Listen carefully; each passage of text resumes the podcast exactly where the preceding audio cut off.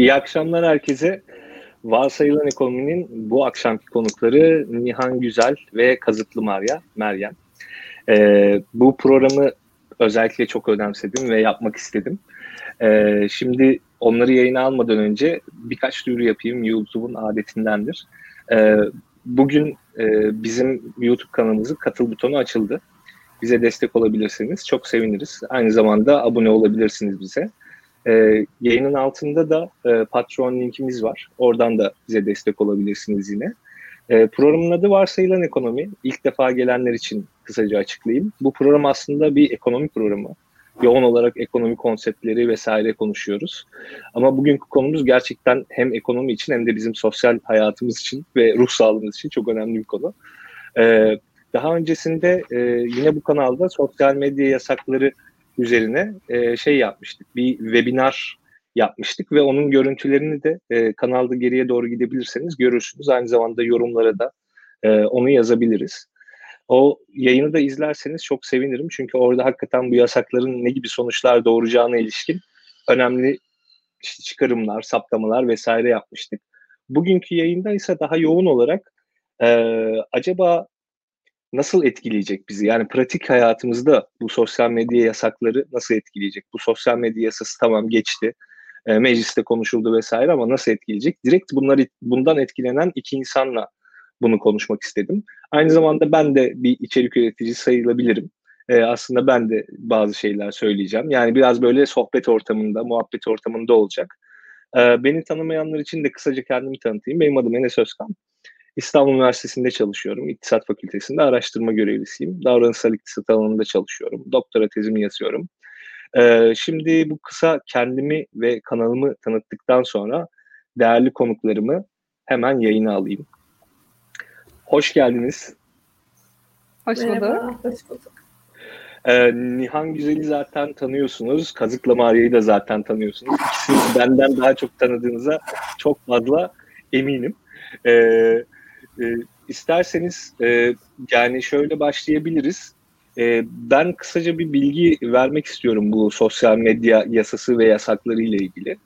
E, belki yaşı tutmayanlar veya hatırlamayanlar olabilir. Biz uzunca bir süre aslında YouTube'suz yaşamıştık. Yani YouTube yasağı vardı. Onun haricinde yine uzunca bir süre Wikipedia olmadan yaşamıştık. Wikipedia yasağı çok daha uzun sürmüştü. O da vardı. Ee, yine uzunca sayılacak bir süre Twitter yasağını da görmüştük. Yani aslında Türkiye'de sosyal medya yasakları çok yeni değil. E, hala hazırda bunu deneyimlemiş birçok insan var.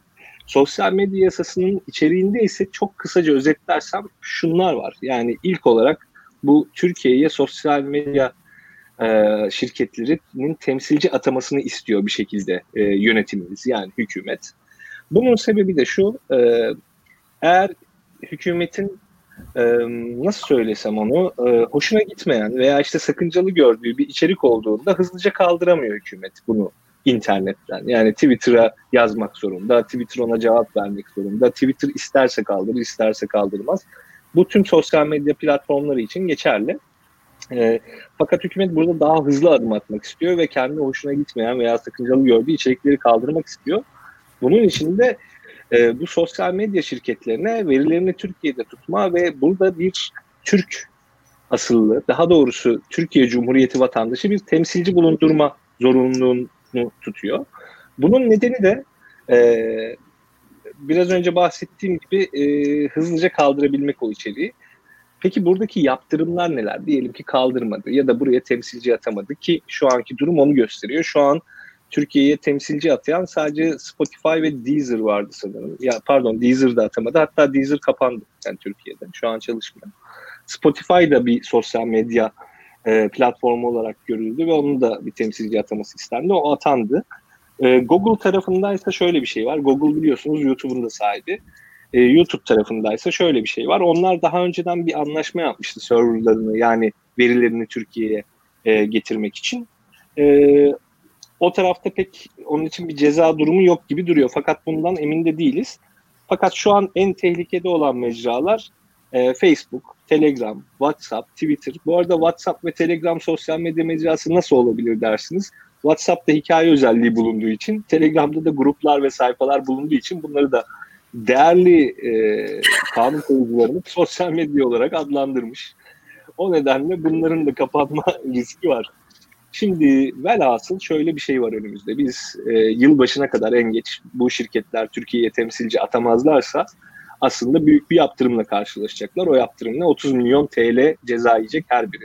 Sonrasında ise yine atamadılar diyelim. Bir ay içerisinde bunların bant genişliği yani aslında hızları yavaşlatılacak. Ondan sonraki bir ay içerisinde de neredeyse bunların tüm hızları kapatılacak. Yani %90 oranında hızları yavaşlanacak ve e, YouTube'dan belki hatırlayanlar vardır böyle bir şarkı dinlemek için bir tuşa basardık beklerdik o şarkı dolsun diye. O şarkı dolunca dinlerdik. Ve o 3 dakikalık şarkı 15-20 dakikada falan dolardı. Yani siz büyük ihtimal bundan 3 ay sonra falan eğer bu e, şirketler Türkiye'ye temsilci atamazsa veya e, Türkiye Cumhuriyeti bu çağ dışı yasayı değiştirmezse şey olacak. E, 40 dakikalık bir videoyu işte gece açacaksınız sabah kalktığınızda falan ancak izleyebileceksiniz. Böyle bir durum var. Onun için izleyici tarafından ne, neyle karşılaşacağı aşağı yukarı bu. Ben bir de e, içerik üreticileri açısından olaya bakmak istiyorum. Nihan senle başlayayım. Sen bu sosyal medya yasakları hakkında ne düşünüyorsun gibi böyle çok geniş bir soru sorayım sana. Sen böyle biraz bizi e, al götür. Ya şöyle, bir de bildiğim kadarıyla bunları ek olarak Türkiye'den herhangi bir firmanın bu e, sosyal medya platformlarına reklam vermesini de engelleyecekler diye hatırlıyorum değil mi Besa'yla beraber? Evet. Şimdi Doğru. Birkaç, birkaç tane yeri var bunun şimdi. Bu e, bahsettiğimiz sosyal medya platformlarına reklam verilmesini sağlayan bir sürü ajans var. Optimizasyon yapıyorlar, satın alma yapıyorlar ve bu gerçekten büyük bir sektör aslında. Birincisi onların ekmeğine taş koyulmuş olacak. Şimdi biz içerik üreticiler olarak ben her böyle platformda bunu söylemeyi seviyorum. Bunda birazcık sinirleniyormuş gibi oluyorum ama doğrusunu olduğu için söylüyorum. Bence Meryem de benimle aynı şeyi düşünüyordur. Nefret etmesi kolay insanlar olduğumuz için ölsünler, aç kalsınlar, taş yesinler diyebilirler bize ama bunun bizim bize çok daha az dokunan bir şey özünde bu. Çünkü yani bize bu kadar az dokunmasının sebebi biz zaten YouTube'dan reklamlarından gerçekten çok az para kazanıyoruz. Yani eğer çok çok çok büyük bir erişiminiz yoksa ve böyle çok milyonlar izlenmiyorsanız zaten YouTube reklam geliriniz düşük bir şey. O kadar bizim için önemli bir şey değil o tarafı. Ee, ama işte bu üçüncü aşamaya geldiğinde ve e, erişimin yavaşlatılması, durdurulması falan konusu geldiğinde ben bir kere kullanıcı olarak rahatsızım bundan. İçerik üreticiden daha fazla kullanıcı olarak rahatsızım. Çünkü habere de sadece şeyden ulaşıyorum yani sosyal medyadan ulaşıyorum. E, çünkü televizyonda ya 100 kaç 180 ülke arasında 160'larda falanız basın özgürlüğü konusunda. Yani hangimiz habere basından ulaşabiliyoruz ki zaten yani Türkiye'de kim habere basından ulaşabiliyor?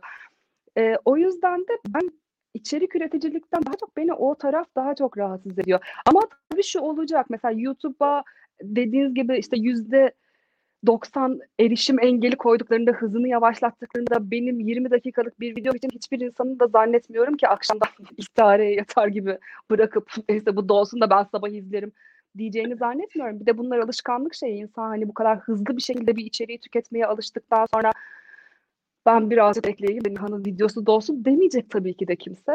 O da hepimizin kaybı bence. Yani hani benden mahrum olacaklar değil de ben de bir sürü insandan mahrum olacağım onu demeye çalışıyorum. Yani hepimiz ilgilendiriyor aslında.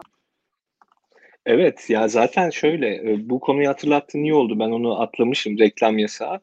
Zaten bizim son zamanlarda gördüğümüz şöyle bir şey var. Ben yani insanlarla konuşurken şunun farkındayım.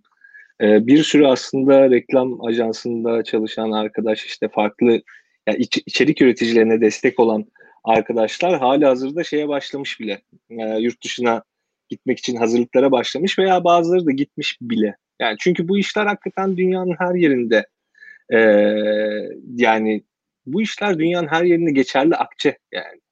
E, adam burada çalışmaz işte İsveç'te çalışır, Amerika'da çalışır, İngiltere'de çalışır. Yani Türkiye'de artık bu işin peşinden koşmak veya bu dertleri e, çekmek zorunda değil. Bunu hissetmiyor. E, o nedenle şey önemli hakikaten. Bir yandan işin o yönü de var. Zaten biraz böyle ben arada böyle bir ekonomi şeyi atacağım araya. Böyle birkaç yorum. O konudan da bahsedeceğim.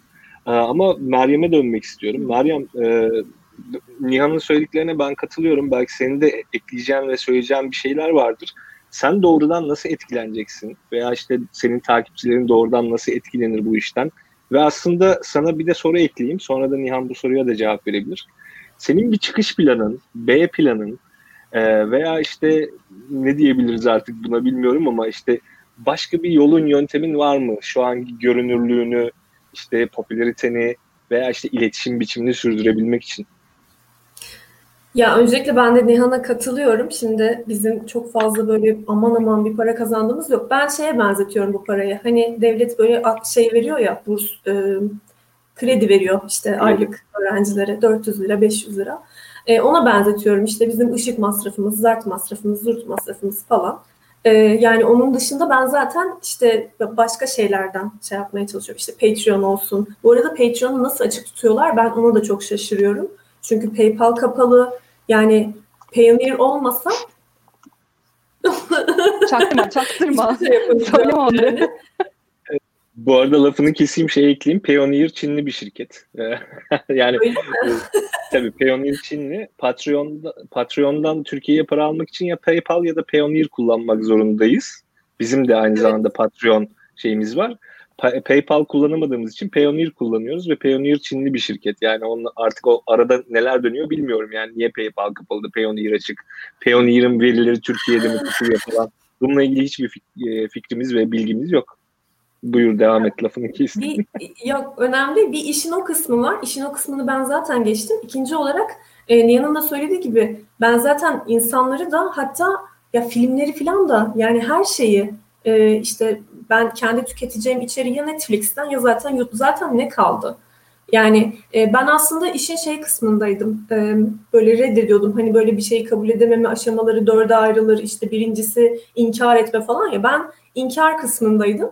Ama şimdi senin söylediklerini duyunca yani Uber'i kapattı bu adamlar. Booking'i kapattılar. Yani neler neler kapatmadılar ki. Bunu kapatmamaları için de hiçbir sebep yok yani ve ben e, yavaştan hani senin de geçen yayınlardan birinde söylediğin gibi Allah Allah diye bağırmak istiyorum yani artık. Hani başka bir seçenek bırakmıyorlar insana. Ee, yani gerçekten hani oraya gidiyorsun, oraya gidemezsin. Buraya gidiyorsun, burası kapalı kardeş, dön falan derken artık gerçekten insan ne yapacağını şaşırıyor yani. B planı olarak da e, yani ben ya Twitch'i de mi kapatırlar?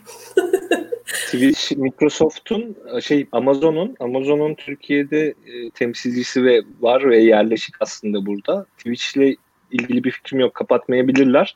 Bu arada bizim yayınlarımız Twitch'ten de işte o nedenle hani alternatifli bir şekilde yapıyoruz. Şu an bu yayını Twitch'ten de izleyebiliyor insanlar. İşte bu nedenlerle işte alternatiflere yöneliyoruz. Hani biri kapanırsa diğerinden devam ederiz falan gibi ama e, şöyle bir zorluk var aslında. İkinize de sorayım bunu.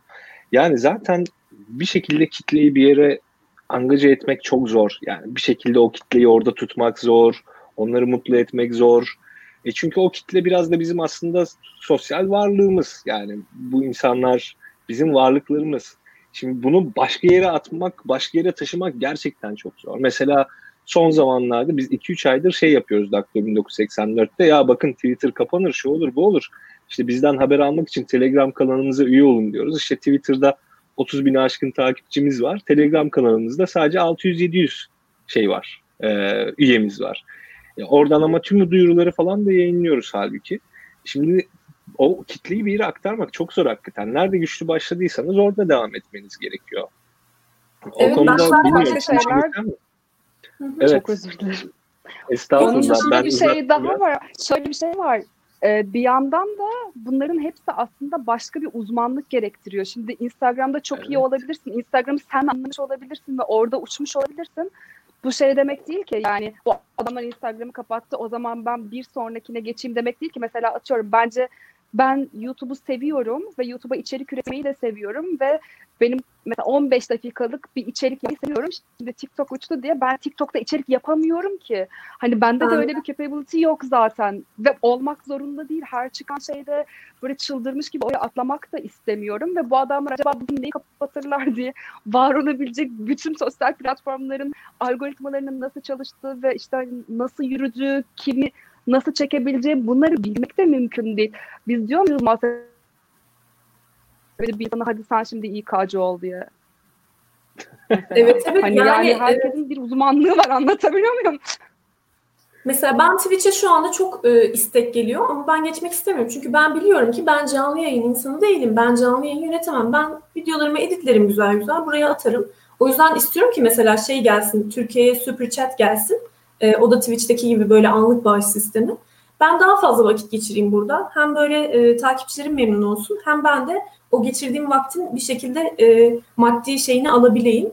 Ama e, mesela onun da mailini attım. E, YouTube e, şeysi diyor ki bana e, ucu açık bir şekilde devam ediyor. Türkiye'ye ne, ne, ne zaman geleceği belli değil. Ve listeye baktım mesela Super Chat gelen e, ülkeler arasında inanamayacaksınız ama Zimbabwe, işte Senegal yani onlara bile gitmiş bir şey bize gelemiyor. Çünkü istemiyorlar YouTube yani. gidebilir Meryem. Bırak Super Chat'i Ponte gidebilir şu an.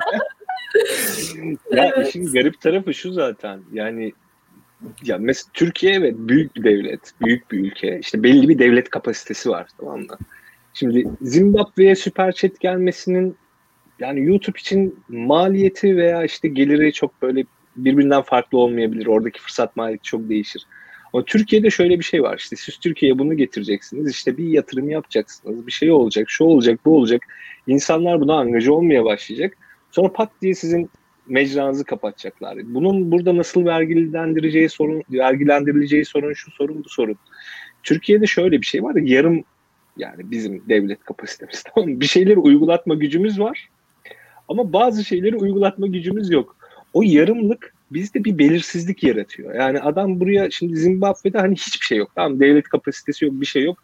Ya Super Chat gelmesin dediği zaman YouTube oraya Super Chat'i koyar. Zimbabwe'dekiler de zaten hiçbir şey yapamaz. Şimdi ama bizimkiler YouTube'u kapatabilir.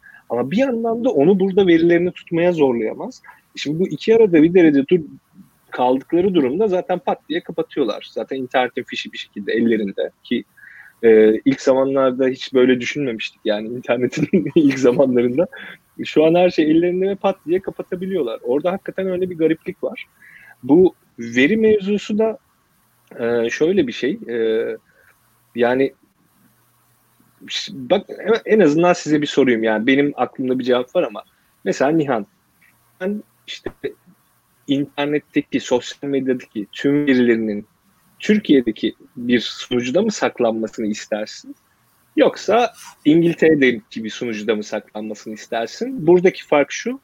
Türkiye'deki sunucuda saklanırsa sen o verilerden Türk kanunları çerçevesinde sorumlu olacaksın. İngiltere'de saklanırsa oradaki kanunlar çerçevesinde sorumlu olacaksın. Sana böyle zor bir soru sorayım.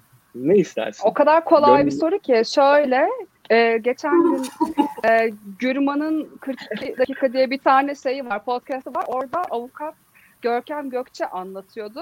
Diyor ki Twitter'a açılmış, e, gönderilmiş dava dosyalarını hani şu e, tweetlere erişim engellensin veya yanlış olmasın şu hesaplara erişim engellensin davalarında tüm Türkiye yüzde 56'yı mı ne oluşturuyor?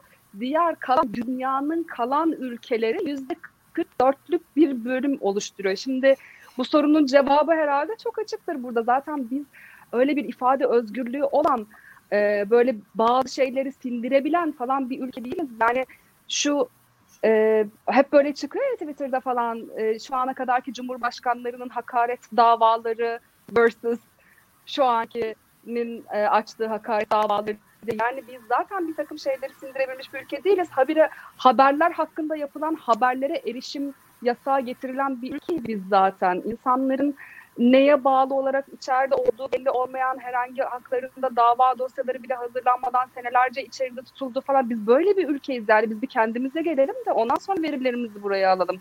Bu bence çok inanılmaz tehlikeli bir şey. Ben Türkiye Cumhuriyeti Devleti'nin elindeki doğru sıkıntı yine liyakatta bu arada. Yani doğru adamların elinde doğru bir şekilde e, hukuki çerçeve içerisinde bir şeylerden sorumlu olmakla ilgili benim sıkıntım yok zaten. Ama bu steplerin yani bir yerinde patlayacağını biliyorum. Ya liyakatsız birinin elinden geçecek ya hukuki çerçeve içerisinde değerlendirilmeyecek.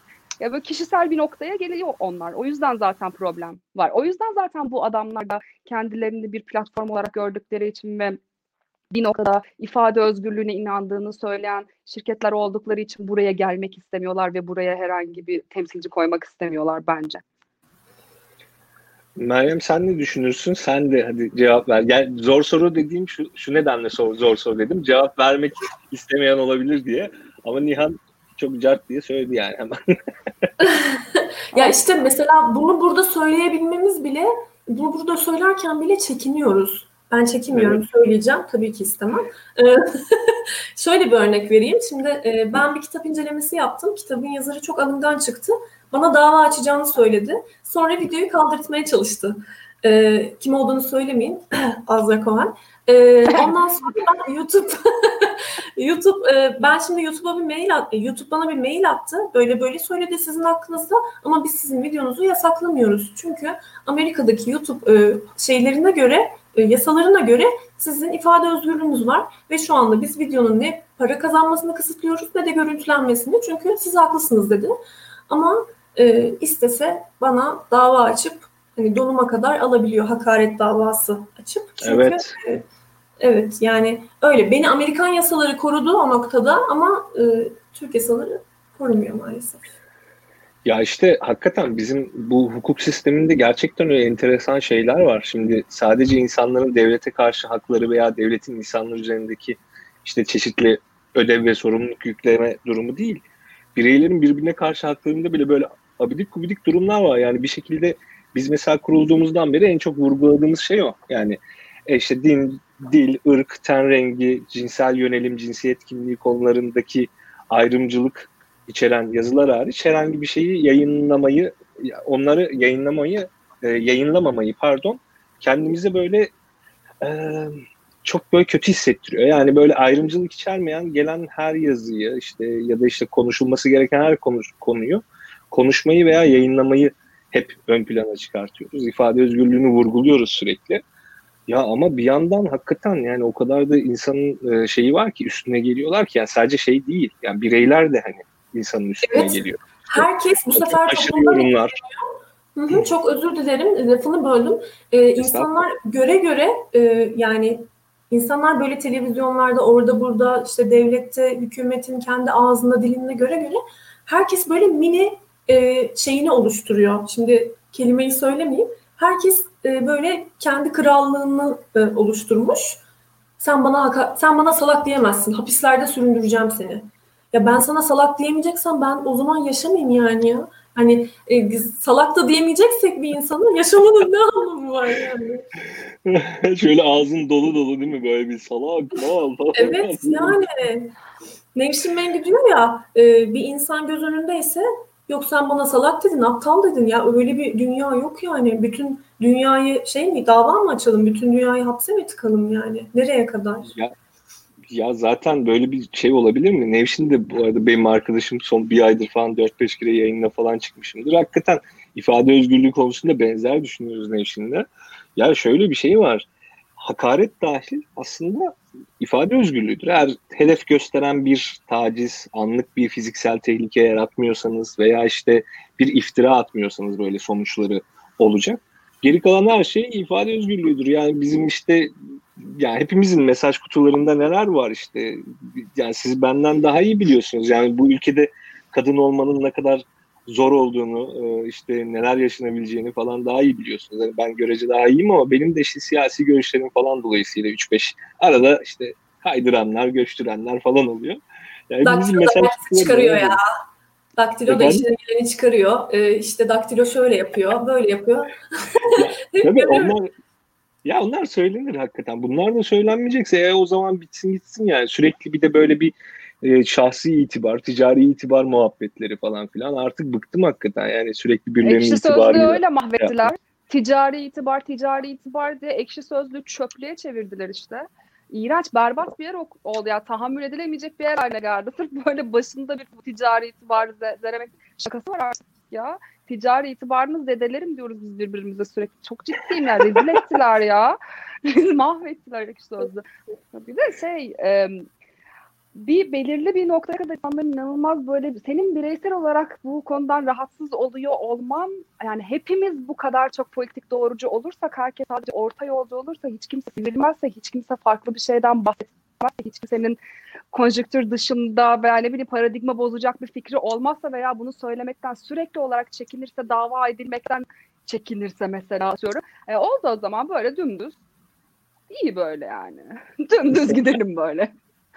Aşırı sıkıcı Konu, yani. Hiç ilerleme yok kesinlikle. ki.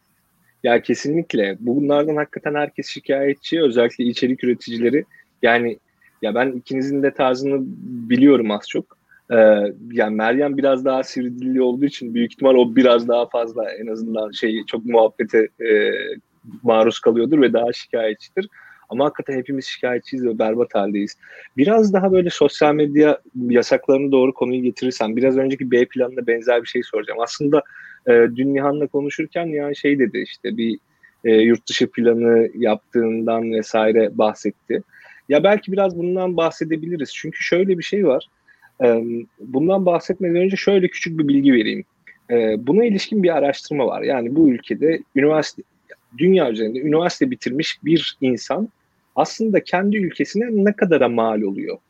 Ya bu aşağı yukarı 300 bin dolara mal oluyor. Ya bir insan doğması, yaşaması, okullarını okuması, tüm o tükettiği nefes, yemek, işte eğitimler vesaire onun için harcanan her şey aslında üniversite bitirene kadar aşağı yukarı 300 bin dolarlık bir maliyet. Bir üniversite bitirmiş insanın maliyeti 300 bin dolar.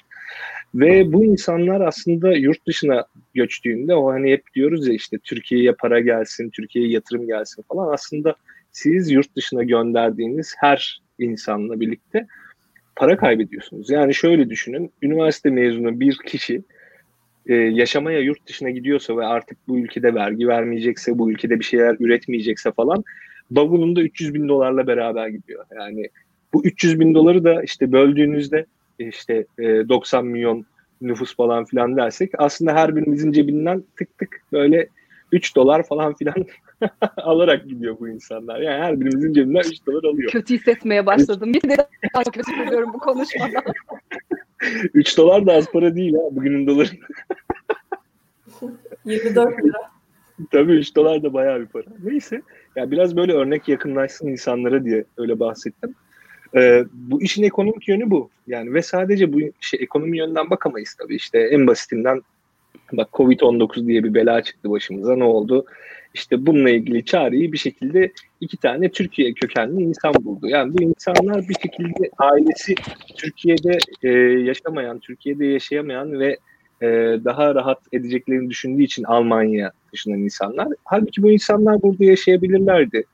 O doktorlar burada yetişebilirlerdi vesaire. Bundan yana hiç e, şüphemiz yok. Çünkü insan kalitesi Almanlar daha zeki veya Türkler işte daha az zeki falan filan diye bir şey zaten yok. Bunu kabul etmiyoruz. Bu işin bir veçesi. Bir başka vecesi de hala hazırda bu işi devam ettirip sürdüren insanların geleceği. Nihan sen bir planlama yaptığın için böyle yurt dışına gitmeyle ilgili. Ee, önce sana sorabilirim ama sen herhalde bir kulak mikrofonu falan mı yaşıyorsun? Geliyor mu sesimiz? Sesimiz yok. Bence şeyden devam edelim Meryem'den. Şarjı bitmiş olabilir aynen. Meryem senden devam edelim. Bir hem bu işin bu ekonomik vecesini anlattın. Biraz böyle onunla ilgili belki bir şey söylemek istersin. Çünkü senin de hem deneyimin ve giden arkadaşların falan olmuştur. Biraz bahsetsene bize neler yaşanıyor aslında tüm bu kesif böyle yasakçılık havasının içinde. Ya bir kere ben normalde öğretmenlik okudum zaten biliyorsunuz İngilizce öğretmeniyim. Ee, İngilizce öğretmenliğinde de benim tam bilmediğim ama böyle bir sınav gibi bir şeyler oluyormuş. Yurt dışında böyle kalifiye öğretmen olarak gidilebiliyormuş. Arkadaşım o sınavı kazandı e, ve şu an gitmeye hazırlanıyor. Ve inanılmaz mutlu yani. E, çünkü yani yıl, insanları yıldırıyorlar. E, geçen ya ben çok konudan konuya atlıyormuş gibi olacağım ama e, Yok, devam et ya zaten görece sohbet ettiğimiz için devam edebiliriz. Hı hı. Mustafa Öztürk müydü bir e, ilahiyatçıyı e, şey yap linç ettiler. Sonra adam dedi ki ya tamam sizin olsun Allah da din de ilahiyat da sizin olsun. Ben istifa ediyorum balık tutmaya çıkacağım. Yani insanları öyle bir yıldırıyorlar ki insanlar artık yani kendi sevdiği, yaşamak istediği ya ben niye mesela bu ülkede yaşamak istemeyeyim? Ben şu anda bu ülkede mutlu değilim mesela. Tabii ki benim kaçış planım falan yok. En kötü her bütün internet kapanma ben mecburen eli mahkum öğretmenlik, çizerlik falan bir yerden yürüyeceğim artık. Ama ben niye mesela kendi ülkemde yaşamak istemeyeyim? Ee, çok böyle kendilerine vatansever, çok e, şey diyorlar böyle siz ha, vatan hainisiniz, biz çok vatanseveriz. Böyle bağıra bağıra e, bayrak sallayınca vatansever olduklarını düşünüyorlar. E, oysa ki vatanseverlik orada bitmiyor yani. Ya ben bir ben vatanın ülkesini sevmeyen bir insan mıyım? Yani ben ister miydim ki bunlardan şikayet etmek? Ben isterdim ki ne güzel güllük gülistanlık yaşayalım. Ben ülkeme e, ne bileyim bir içerik üreticisi olarak döviz sokayım. E, hani mutlu mutlu yaşayalım. Yani kim ister ki yurt dışına gideyim bir sürü gurbet. Ya ben mesela benim e, cesaretim yok yani öyle bir şey şu anda. Hem ekonomik olarak hem e, ben Erasmus için gitmiştim. Ya böyle kültüre ben alışkanlıklarını değiştirmeyi seven bir insan değilim. Ve ben niye ben ülkemi seviyorum ya. Ya bu insanlar benden daha mı çok ülkesini seviyorlar? Ee, ya da benden daha mı çok şeyler falan. Öyle bir şey yok yani. Ben niye kötülüğünü isteyeyim insanların? Ee, mesela takipçilerimin, öğrencilerimin, etrafımdakilerin niye kötülüğünü isteyeyim yani? Demek ki bize bir zorluk yaşatılıyor ve biz yıldırılıyoruz. Ee, bunu anlatmaya çalışıyorum aslında. Ya bu arada sizin kitle geldiği için böyle bir isimler geçiyor. Şunu da çağırmalı. Hiçbirini tanımıyorum yalnız. Arkadaşlar bir şeyler söylüyorsunuz ama ben onların hiçbirini tanımıyorum. Ben Nihan ve Meryem'i tanıyorum sadece. ee, Bu arada Nihan, bir şey söyleyeceğim. Ben mesela şu an Evet ya kusura bakmayın. Şu an iyi değil Şöyle mi? Yok estağfurullah. İyiyim evet. Ee, ben mesela şu an salı günü benim görüşmem var. Ankara Anlaşması'na başvuruyorum. Ve e, dediğin o kadar doğru ki yani o kadar o kadar zor bir şey ki bir buçuk senedir para biriktiriyorum. E, şimdi anksiyete krizleri geçiriyorum. E, çünkü işte biznesten yazmam lazım, bilmem ne bütçeleri toplamam lazım. Böyle gecelere uyku girmiyor. Ya ben mis gibi evimde üç tane kedimi oraya nasıl götüreceğimle ilgili 40 bin tane plan geçiyor kafamda. Ya ben ister miyim? Hangi insan bunu ister? Allah aşkına bir insan neden mutlu mesut yaşadığı ülkesinden, bütün arkadaşlarından, ailesinden, buradaki mesela network'den rahat olduğu bir çalışma alanından ya bence bunu birazcık düşünmesi lazım insanların ki bunu yapmaya çalışanlar da e, hep böyle şey insanlar hani ve değer katıyorsan zaten oraya gidebiliyorsun bu arada. Yani ben şu anda günlerdir yazdığım e, onlarca sayfada sürekli olarak aslında benim burada bir iş yaptığımı, benim buraya bir değer kattığımı, benim zaten şirketimin para kazandığını bunu anlatmaya çalışıyorum İngiliz devletine ki İngiliz devleti benim oraya girmeye değerli bir yani değer bir insan olduğuma ikna olsun diye. Ama işte gerçekten o kadar keyfimden gitmiyorum ki, o kadar istemeyerek aslında bunu yapıyorum ki. Yani bu işte insanların e, vatanseverlikle falan bağlayacakları bir şey değil. Yani vatanımı seviyorum ama kendimi daha çok seviyorum. Üzgünüm. Samantha Jones'landınız. Yo çok doğru bir şey söyledin. Hakikaten şu dünyada onurlu bir yaşam arayan herkes aslında ilk önce kendisini sevmeli. Yani kendisi, ailesi vesaire. Yoksa vatan zaten niçin vatan? Bize hakikaten güzel bir yaşam sunulmayacaksa burada, biz beraber barış içinde huzurlu yaşamayacaksak hakikaten o zaman burası çok da bizim vatanımız gibi olmuyor bir yandan. O noktadan hakikaten haklısınız. Ben de zaten bu işin garip tarafı bu. Şimdi bu sosyal medya yasakları hakikaten işin sadece bir kısmı. Hem de çok az bir kısmı. Bu arada Meryem senin kulaklığından çok fazla gürültü geliyor yani bir noise yapıyor bir kulaklık değiştirme imkanı falan olursa çok sevinirim. Devam edelim. Aslında bizim şöyle bir şeyimiz var. Bu sosyal medya yasakları işin sadece bir yönü. Yani bu işin içinde medyası var. İşte bu işin içerisinde e, iş yapmak isteyen insanların burada zorluklarla karşılaşması var. Haliyle işsizlik var. Bakın Türkiye'de genç kadınların içinde ne ne eğitimde ne istihdamda olanların oranı yüzde 50'ye yakın. Yani Türkiye'de 16-25 yaş arası her kadından, her iki kadından biri şu an ne okula gidiyor ne de çalışıyor. Yani bunların ne yaptıklarını, bunlar resmi olarak hiçbir yerde yok. Yani ne yaptıklarını ilişkin hiçbir fikrimiz yok. Erkeklerde de bu oran yüksek ama kadınlarda inanılmaz yüksek. Yani dünya ortalamasının inanılmaz üzerinde. Böyle bir ortamda siz yani bu insanlara aslında şu demek bu. Yani gerçekten hayata başlayacakları bir çağda bu insanlar ne okuyorlar, ne çalışıyorlarsa siz bunlara aslında bir gelecek sunamıyorsunuz demek. Sosyal medya yasakları da bunun hakikaten bir yönü.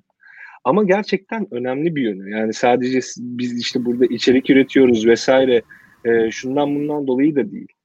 E, o nedenle ben yani ikinize de katılıyorum. Özellikle bu Ankara Anlaşması konusunda ya benim de birkaç deneyimim var. Birkaç arkadaşım gitti, etti vesaire. Onları yolcu ettik. Onların işte anlaşmasını, finansallarını falan filan da ben hazırlamıştım. Yani gidenlerde hep aynı duygu. Yani keşke Türkiye'de kalabilseydik. Zannet insanlar şunu zannediyor ya İngiltere'ye işte ayıla bayıla gittik işte Almanya ayıla bayıla gittik ve orada mükemmel bir hayat sürüyoruz ha. Ya öyle bir şey yok.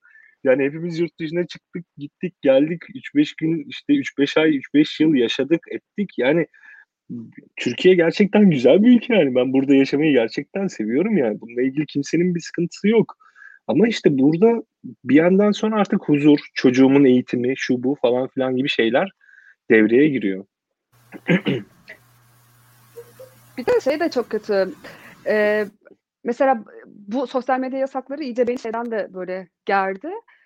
Yani zaten zaten bir şeye erişebildiğim ve kendine A Haber'in içerisinde hapsolmamış hissettiğim bir tek yer vardı.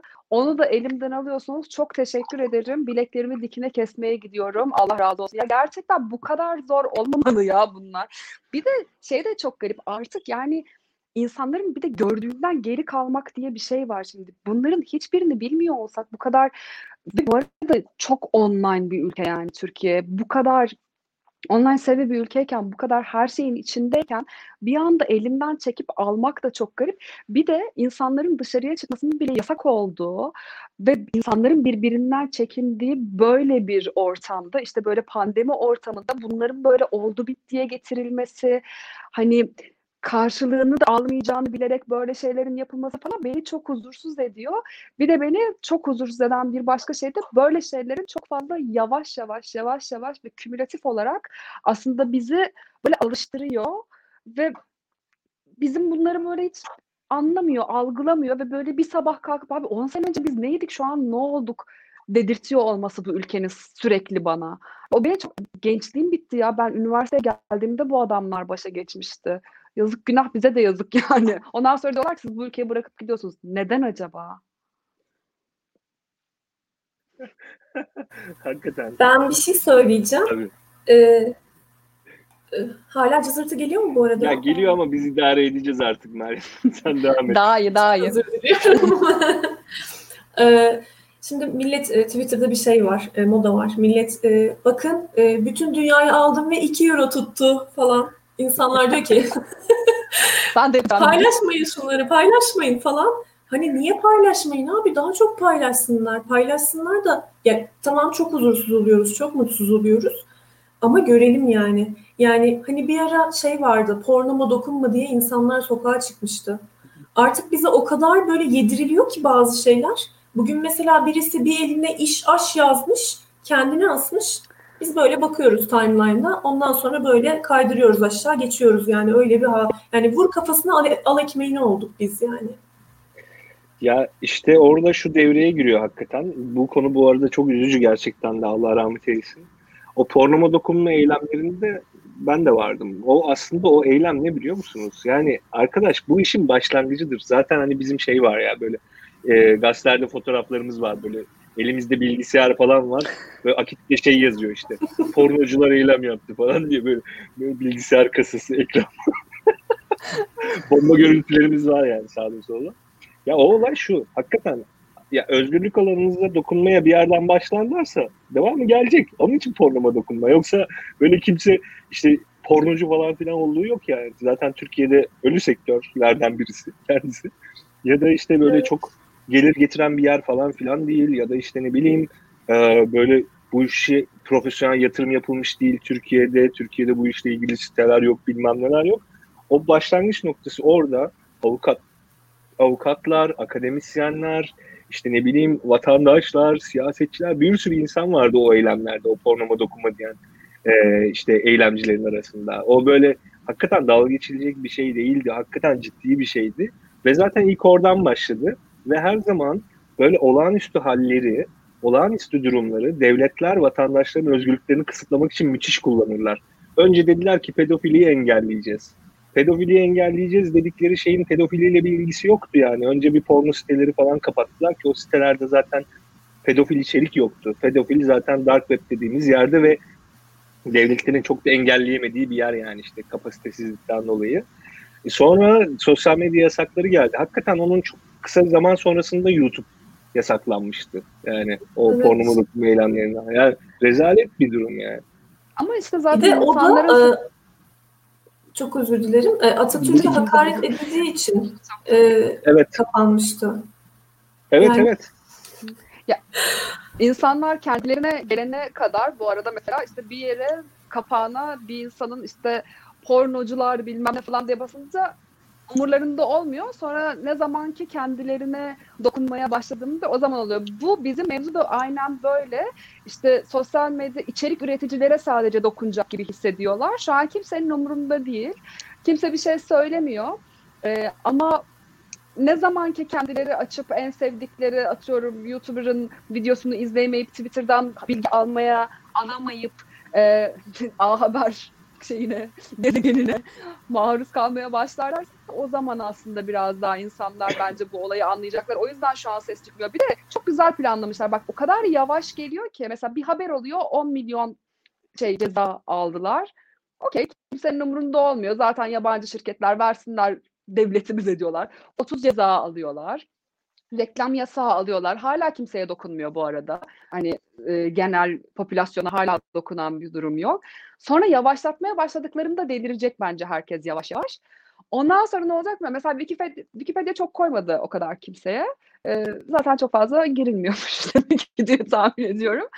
Ama bu asıl ellerinin altındaki diğer şeyler, e, TikTok bir gitsin ellerinin altından yemin ediyorum var ya sosyal şey patlama yaşanır. Ya özellikle ee, Facebook'un ve WhatsApp'ın kapanması noktasında böyle benim pek bir çekincem yok. Sanki böyle bir insanları kendine getirir gibi düşünüyorum yani bilmiyorum ama buyur Meryem. Aslında e, yani bahsettiğimiz kitle e, Facebook ve WhatsApp kullanan kitle bizim normal sokaktaki vatandaş olduğu için sokaktaki vatandaşa dokunana kadar böyle hepimize böyle çat çat çat tokatlaya tokatlaya gidiyorlar şu anda. Ben şeyden bahsedecektim. Bugün mesela işte taciz ifşaları yapıldı. Hatta ben de yaptım bir iki tane falan. Ya ben onu ee, ben ona gelecektim hakikaten Meryem. Yani önemli bir yer olduğu için yani bir biraz da tatsız bir konu ama hakikaten konuşulması gereken de bir konu. Yani herkesin de farkında olması gereken bir konu. Oraya gelecektim madem sen lafı açtın. Hani oradan da biraz gidelim istiyorum aslında. Ama şöyle bir şey yapabiliriz. Belki bu yasaklarla ve yasayla ilgili son bir şey söyleyecekseniz hani bu konuyu kapatıp sonra yani daha doğrusu bu konuyu kapatmayalım da sonra diğer o daha önemli bulduğumuz konuya geçebiliriz. Ama belki son olarak bu şeyle ilgili en azından şu ana kadar konuştuklarımızla ilgili bir şeyler söylemek ister misiniz, eklemek? Bilmiyorum ya ben ümit etmek istiyorum ki böyle bir şey yapmasınlar. Ee, ama dediğimiz gibi başta da söylediğimiz gibi emin olamıyoruz. Her şeyi yapabilirler. Yani insan bir yerden sonra güvenini kaybediyor. Yani, yani çok kötü. Yani felaket bir şey. Nihan belki şu sen şey... sonra şey eğer e, şu noktadan sonra şirketler teslim olup gelirlerse kötü günler geride kaldı. Daha da kötü günler bizi bekliyor diyebiliriz evet. bence. İki ucu yani iki ucu da iyi değil. iyi değil. Yani rahat, rahat olabilirsin ya. Kendi evinden gibi yani. Söyle ya. Şöyle at cerrahisi içinden. İki ucu boklu değnek. Bravo.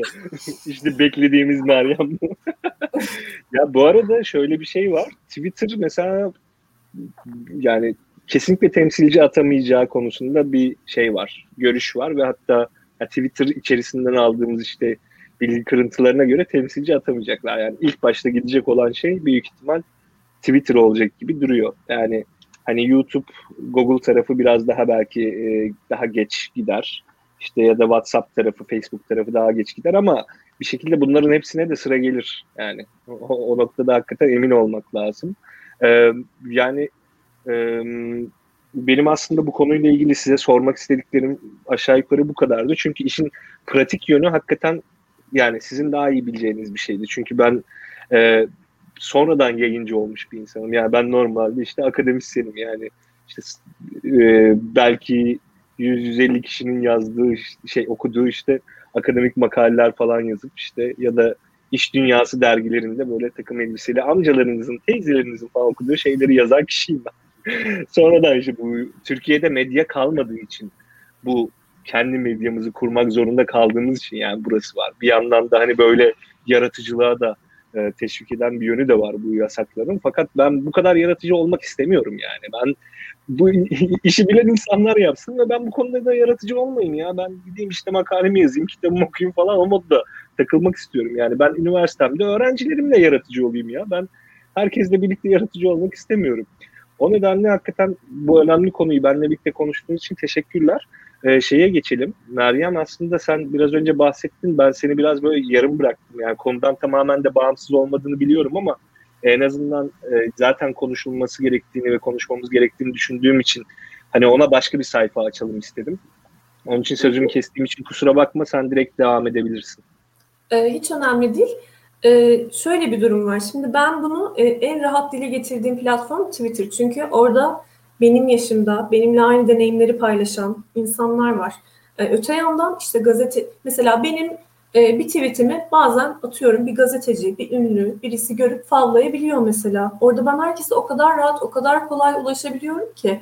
Benim ve bu taciz e, hikayemi herkes duydu. Herkes duyacak oradan. Ben şimdi Facebook'ta ne yapayım? Enişteme mi anlatayım yani? Babaanneme mi anlatayım?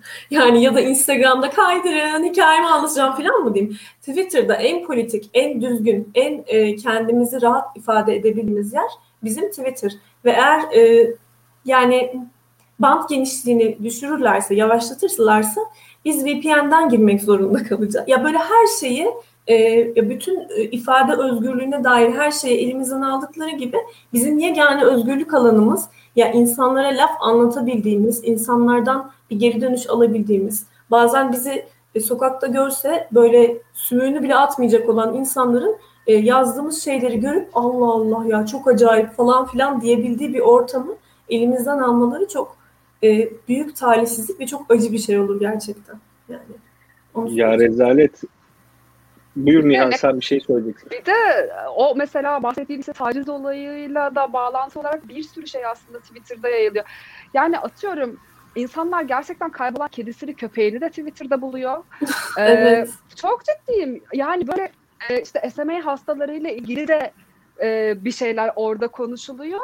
Ve en önemlisi de insanların gerçekten fikirlerini dümdüz bir şekilde ifade edebildiği çok az platformdan bir tanesi herhangi bir estetik kaygısı olmadan e, veya herhangi bir format kaygısı olmadan en kolay şekilde kendini ifade edebildiği ve birbirini bulabildiği ve organize de olduğu yer orası. Sadece Türkiye için değil bu arada. Bütün dünyada bütün hükümet karşıtı protestoların gerçekleştiği, ilk organize edildiği yer orası. Zaten mesela şey gibi değil, Facebook gibi değil. İşte öyle Cambridge Analytica'ya e, kendini kaptıracak falan e, şey yapısı gereği bildiğim kadarıyla hisse yapısı gereği de biraz öyle. Bu son mesela Amerikan seçimlerinde yaptıkları işte e, bilgileri doğrulama veya işte hani tagleme, hayır bu yanlış falan gibi şeyler mesela Facebook'ta görebileceğiniz şeyler değil. Onlar yalan yanlış. Mark Zuckerberg çıkar işte anca konuşur. İşte, tabii canım biz öyle değiliz falan der ama gerçekten Twitter'ın duruşu da birazcık daha öyle. Ve zaten e, işte bizimki gibi totalitere çok fazla yaklaşmış rejimlerin e, huzursuz olduğu bir platform orası. İlk orası gelmeyeceklerini söyledin ya mesela o kadar şaşırmadım ki gelmezler vermezler yani o şeyi. O gücü bu adamlara vermez yani Twitter gibime geliyor. Ve iki tarafta da zaten hükümet kazanıyor. Yani adamlar gelmezse de kapatarak kazanıyor. Gelirse de evet. sefer veriyi alarak kazanıyor. Yani yapabileceğim bir şey yok. Ondan sonra diyorlar ki hep oraya bağlayacağım galiba ya bütün gün boyunca o yüzden gidiyorum diye ağlayarak bitireceğim galiba bu ya Jack ne derse o oluyor Twitter'da, Facebook ve e, Instagram'dan farklı olarak. Adamın evet. bir görüşü var. Benim sitem diyor. E, öyle yansıtabiliyor yani.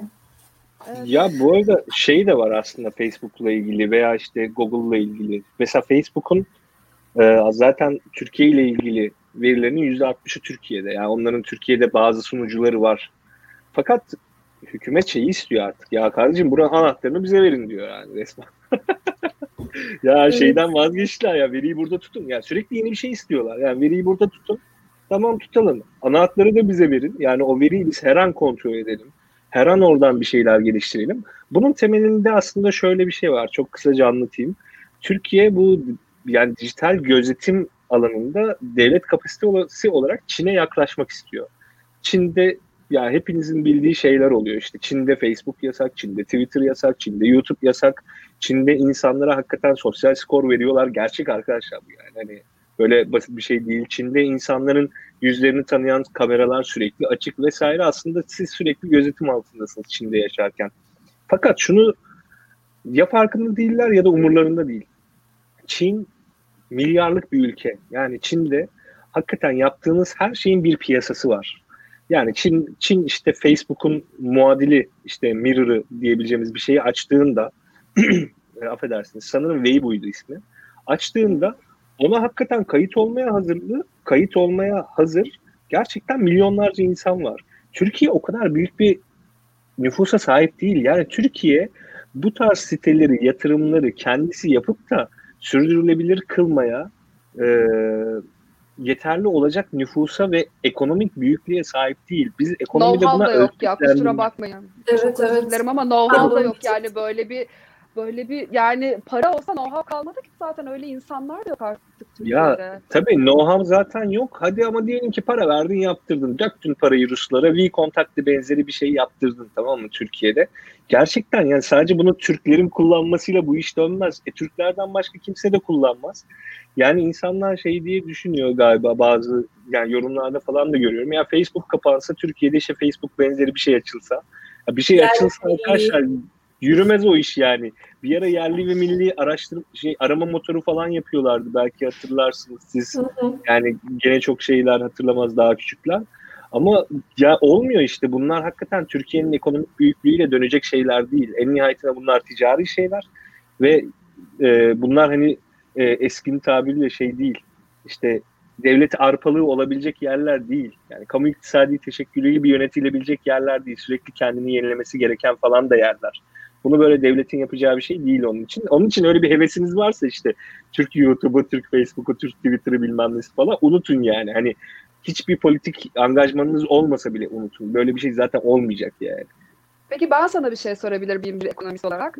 Bu kadar Tabii. içe kapanmış bir ülkenin ekonomisinin geleceğini nasıl görüyorsun? Çünkü bunlar kolay ve komik şeyler değil yani atıyorum Türkiye Facebook'a, işte e, Google'a, e, Twitter'a erişimi engelledi diye bir haberin e, ortaya çıkması zaten basın özgürlüğünün yerlerde olduğu bir ülkenin ekonomik geleceği için işte döviz kuru için çünkü bunların hepsi birbiriyle bağlantılı şeyler bu özgürlüklerin özgürlüklerle ekonomiyi bir türlü bizim hani halkımız bir araya getiremiyor kafasında ama sen nasıl görüyorsun mesela bunu?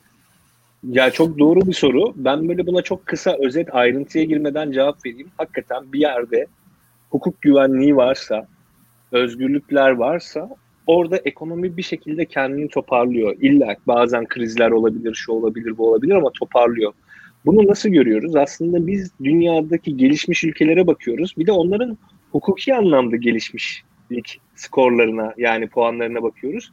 Orada arada inanılmaz doğrusal bir ilişki var. Yani gerçekten hani e, bazı istisnaları dışarı çıkartırsak mesela Çin gibi o da biraz önce bahsettiğim bu ölçek mevzusunda belki Hindistan da ileride öyle bir şey olabilir.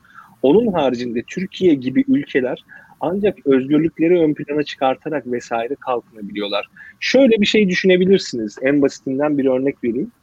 Eğer bir yer diyelim ki bir ülkeye yatırım yapacaksınız ya da bir insana, bir arkadaşınıza işte bir iş kuruyor, yatırım yapacaksınız. Hani size karşı şeffaf davranan işte ya kardeşim benim gelirim giderim bu olacak. Bak ben de şuraya dükkan açacağım. Sen de gel buraya bir 10 bin lira koy, 20 bin lira koy. İşte sonrasında şu kadar para kazanırsın, şöyle olur, böyle olur. Şartlarımda bu diyen adama mı yatırım yaparsınız? Yoksa böyle bir gün önce başka, bir gün sonra başka konuşan, işte nerede ne yapacağı belli olmuyor. Ya sen ver parayı da biz halledeceğiz bak çok güzel oğlum işin içinde Evet. acayip bir şey var falan diyene mi yatırım yaparsınız? Türkiye şu an ikinci, Evet, Türkiye şu an ikinci gruptaki insanlar gibi. İşte Türkiye'ye yatırımcı çekmek için hukuk, hukuk reformu yapacağız diyor. Hop bir bakıyorsunuz ertesi gün gazetecinin birini gözaltına almışlar bilmem ne olmuş. E, ya bir bakıyorsunuz işte ekonomiyi düzelteceğiz diyorlar. Tayyip Erdoğan diyor ki işte ben arkasındayım, Merkez Bankası Başkanı şu bu bu falan. Ama faiz enflasyona sebep olur. Öyle de demiyor ya. Öbür Mer- Merkez e, Bankası Başkanı lafımı dinlemiyordu. Şimdi yeni biriyle yola devam edeceğiz. Direkt böyle söyledi. Böyle oldu. Ya Ne? tabii canım zaten şöyle bir şey yani Cumhurbaşkanlığı hükümet sistemi geldiğinden beri hiçbir Merkez Bankası Başkanı görev süresini tamamlayamadı yani. Bu enteresan bir istatistik yani hani kimse görev süresini tamamlayamıyor. Kimse memnun edemiyor çünkü o kadar e, saçma bir e, ekonomik plan falan var ki ortada. Zaten memnun edebilmeniz mümkün değil. Ya velhasıl şu Türkiye hakikaten bir ara bu Avrupa Birliği reformlarını vesairelerini falan iyi yapıyordu. O zaman hakikaten Türkiye'ye ciddi manada işte yatırımcı gelmişti. Bankalarımıza, işte şirketlerimize, fabrikalarımıza bayağı yabancı ortak falan bulmuştuk. Şimdi bulamıyoruz. Ama işin bir de şu yönü var. İnsanlar diyor ki ya işte yatırımcı zaten gelmesin yabancı, işte bizim mallarımızı almasın. Ama arkadaşlar iş öyle olmuyor. Siz burada bakın bir şeyler tüketiyorsunuz, bir şeyler üretiyorsunuz. Ama Türkiye hep ürettiğinden daha fazlasını tüketiyor. Onun için bizim yurt dışından gelecek paraya ihtiyacımız var. Normalde bu ülkede bir şey, bir yatırım yapacak olan insan bankaya gider, kredi alır, işte bir dükkan açar falan değil mi? Ama o banka o parayı nereden bulacak siz o bankaya parayı yatırmazsanız? Biz sizin o bankaya yatırdığınız paraya tasarruf diyoruz. E insanlar tasarruf etmiyorsa veya edemiyorsa bir şekilde o banka o parayı yurt dışından bir yerden bulacak ki buradaki iş yapacak adama verecek ve o da dükkan açacak ve size hizmet sunacak. E şimdi bunların hepsi birbiriyle bağlantılı. Onun için ya bu soruyu sorduğum için ve bu muhabbeti açtığın için teşekkür ederim. Ben de sabaha kadar konuşurum diyen ama böyle Dertliymiş o da. Değil mi? Hepimiz dertliyiz. Kısa keseyim. Aynen. Ee, yayınımızın da yavaş yavaş sonuna geliyoruz. Ee, hatta 55 dakika olmuş. 45 dakika bir saat arasında planlamıştık. Ee, Meryem ben sana son olarak şeyi sorayım ya. Hani gene de. Ya bugün hakikaten yaptığın şey bence çok cesurcaydı ve birçok insana da ilham ve cesaret vermiştir diye umuyorum ben. Ve birçok insan aslında böyle şeyler yaşıyor.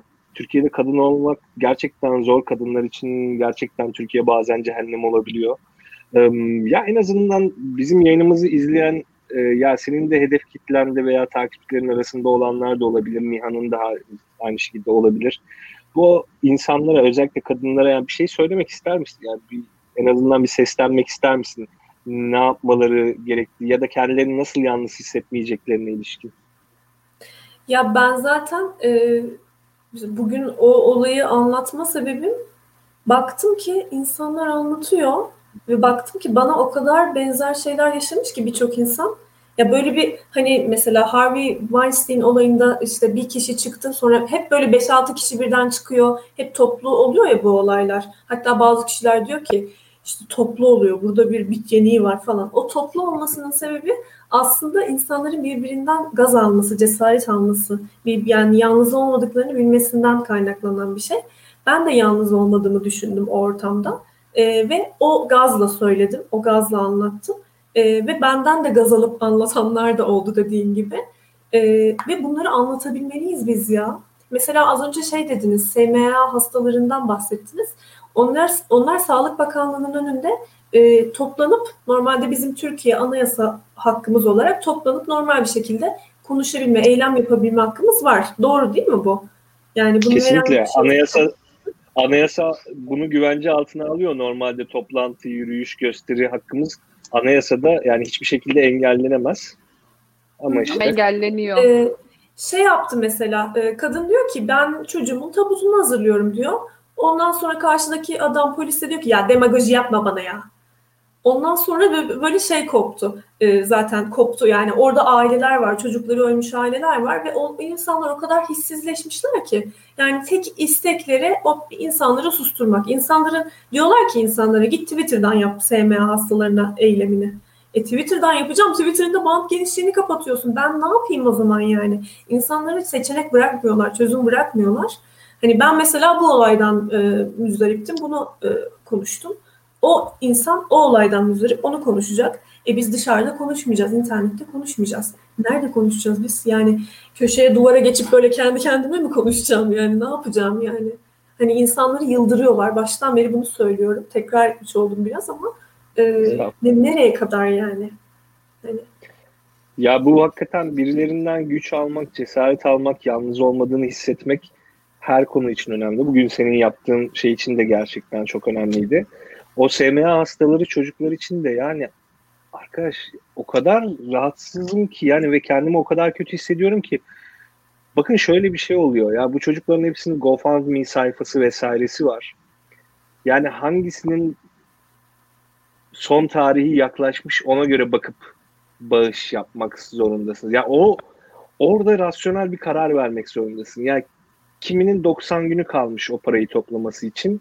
Kiminin 30 günü kalmış ve bakıyorsunuz paranın yarısını bile toplayamamış. Yani 30 gün içinde o çocuk o aşıyı olmazsa ya gerçekten işte vefat edecek. Yani ölecek yani. Dünyadan uçup gidecek yani. Bu bir çocuk yani.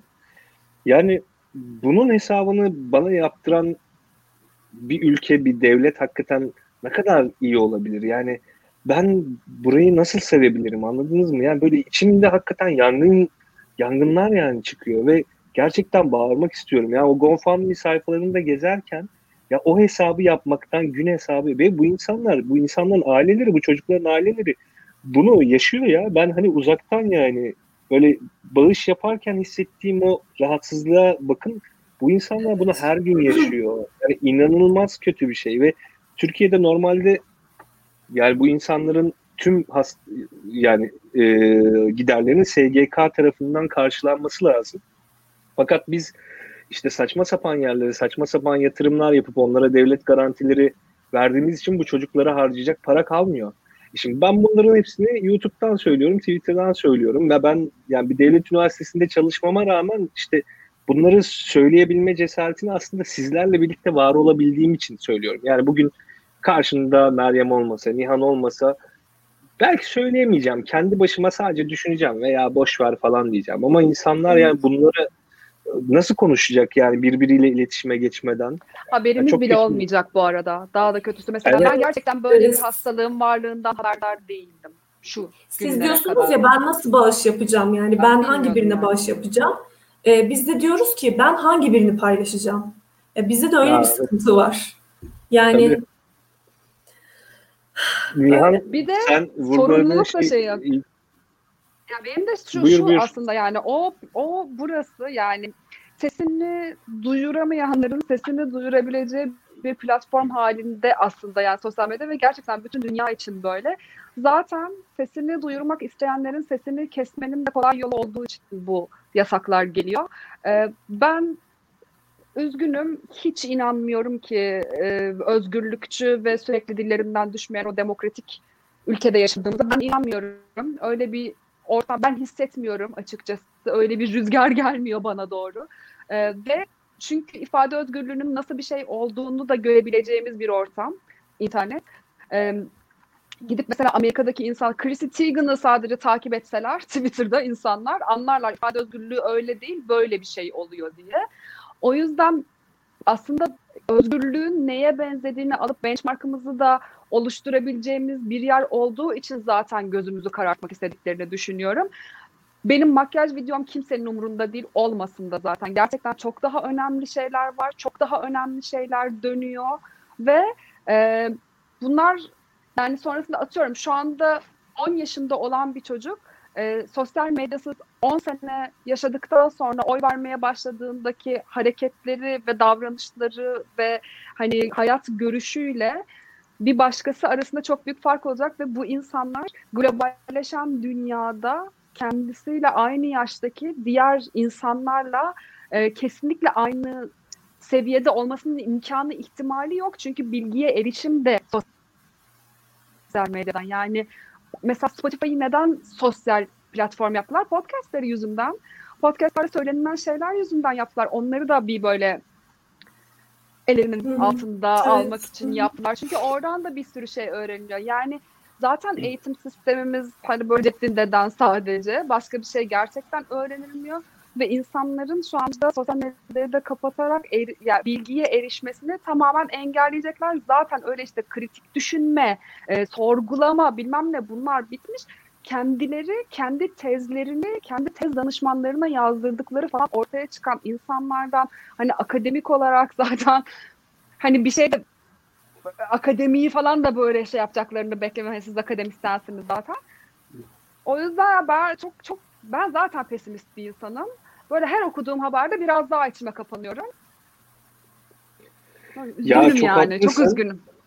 Türkiye'de 2000 sonrasında doğan yaklaşık 25 milyon falan insan var. Yani 2002 yılında bu insanlar iktidara geldi. AKP iktidara geldi ve yani 25 milyon kişi aşağı yukarı ya başka bir şey görmedi ya hayatında. Yani korkuları o zaten. Şimdi onlar oy verecek diye şu anda korkuyorlar. İnternete erişimleri vardı çünkü bu insanların. Şimdi o bunların internete erişim olmayan versiyonlarından herhalde ümitleri var anlamadım ki. Çok pesimist olacak ama ben şöyle optimist bitirmek istiyorum. Bu arada ben bitirmiyorum. Son sözümü o şekilde söylemek istiyorum. ya ne oluyor? Niye benden rol çalıyorsun? Ben? tamam yani rahat ol. Kendi kanalın gibi konuştuk ama yani burada biz de varız. Özür diliyorum. ee, şey söylemek istiyorum. Yani e, şimdiden e, erken seçimler konuşulmaya başlandı. Hatta e, İyi Parti'den şey diyor Meral Akşener e, Tayyip Erdoğan yazı sever falan. Hani böyle e, konuşulmaya başlandı falan. Haziranda olacağını düşünüyorum falan filan denmeye başlandı. Hani ben 2023'e kadar bekleriz diye düşünüyordum ama e, insanlar artık e, buralarına kadar geldi yani. E, çok pesimist olmayalım. Bence bir, biraz ümitli olalım. E, belki 2023'ten erken e, bir şansımız olabilir bu konuda yani. Hani bir de şuna çok şaşırıyorum bir yandan. Acaba seçimle e, gitme gibi bir olay olur mu? Yani artık o kadar 20 yıldır o kadar şey olduk ki, travmatize olduk ki buna bile inanamıyorum yani. Bekliyoruz bakalım. Yok yok kes, kesinlikle olur Meryem yani o konuda yani senin endişeni en azından yani senin endişine katılmıyorum. Belki seni de biraz teskin edeyim. Kesin olur. Yani Türkiye'de yani en azından şunu görebiliyorsunuz. Bakın bu programı yapabilecek insanlar var işte. Sen, ben, Nihan vesaire. İşte ya da bir sürü hakikaten bu işlerle ilgilenen insanlar. Türkiye o kadar da ölmedi, bitmedi. Yani bu adamlar hakikaten bir yerde mecburen bu işi daha barışçıl bir şekilde sona erdirecekler. Yani konuyu çok dağıtmayalım ama yani o optimist bakış açını hani sürdür. Yani sonundaki vurguyu bence yapma. O sonunda hakikaten şey yok çünkü hiç benim şüphem yok. Ee, hepimiz için her şey daha iyi olur umarım. Ee, ben de yavaş yavaş yayını kapatayım yani. Meryem ama sen dediğin için kapatmıyorum. Yani ben zaten kapatacağım.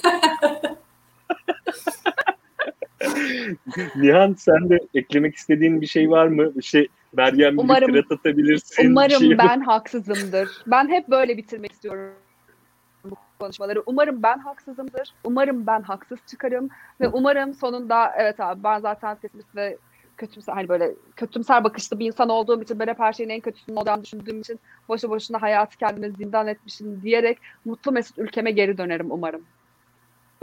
Ee, umarım Nihan, umarım ben de yani seni kaybetmeyi kimse istemez. Seni kaybetmek istemiyoruz. Hakikaten öyle. Ee, ben sizi yavaş yavaş uğurlayayım. Ondan sonra birkaç duyuru yapacağım. Ee, ama siz çıkmayın. Böyle yayından sonra bir kritik yapabiliriz en azından. Burada kalabilirsiniz. Evet arkadaşlar yani değerli izleyicilerimiz sizden sonra da bir kritik yapıyoruz. Onları da aslında hakikaten bir ara böyle Patreon'da falan filan yayınlasak iyi olur. Neyse şöyle ki e, yayınımı izlediğiniz için çok teşekkür ederim. Bu programın adı Varsayılan Ekonomi. Daktilo 1984 kanalındasınız. E, bu kanalda daha farklı programlar da var. Onlara da göz atmak isteyebilirsiniz. Eminim ilginizi çekecek başka şeyler de çıkacaktır. Daktilo1984.com bizim web sitemiz. Orada da çok güzel yazılar yayınlıyoruz. Belki bakmak istersiniz. İlginç röportajlar vesaire de oluyor. Daha çok siyaset, ekonomi, uluslararası ilişkiler üzerinden gidiyoruz. Ee, bugün de yine hakikaten üçünün kesişiminde olan bir konuyu işledik. Sosyal medya yasakları ve çok yetkin iki konuğumla beraber işledik. Siz de bizi yalnız bırakmadığınız için çok teşekkür ederiz. Son olarak kanalımıza abone olmayı mutlaka düşünün. Unutmayın demeyeyim ama bir düşünün yani. Şöyle bir göz gezdirin, bir bakın. Ee, bizi Patreon'dan ve Daktilo pardon ve YouTube katıldan destekleyebilirsiniz. Ee, tabii destekleriniz sadece maddi olmak zorunda değil. Eğer bu yayın size güzel geldiyse ve başka arkadaşlarınıza da güzel gelebileceğini düşünüyorsanız onlarla da paylaşırsanız çok memnun olurum. Şimdilik benden bu kadar. Haftaya e, başka bir konu ve konukla görüşmek üzere diyeyim. Gerçi bu aralar her hafta yapamıyorum ama yine de ben e, size bir veda edeyim bu şekilde. Umarım haftaya başka bir konuk ve konukla karşınızda olurum. Hoşçakalın.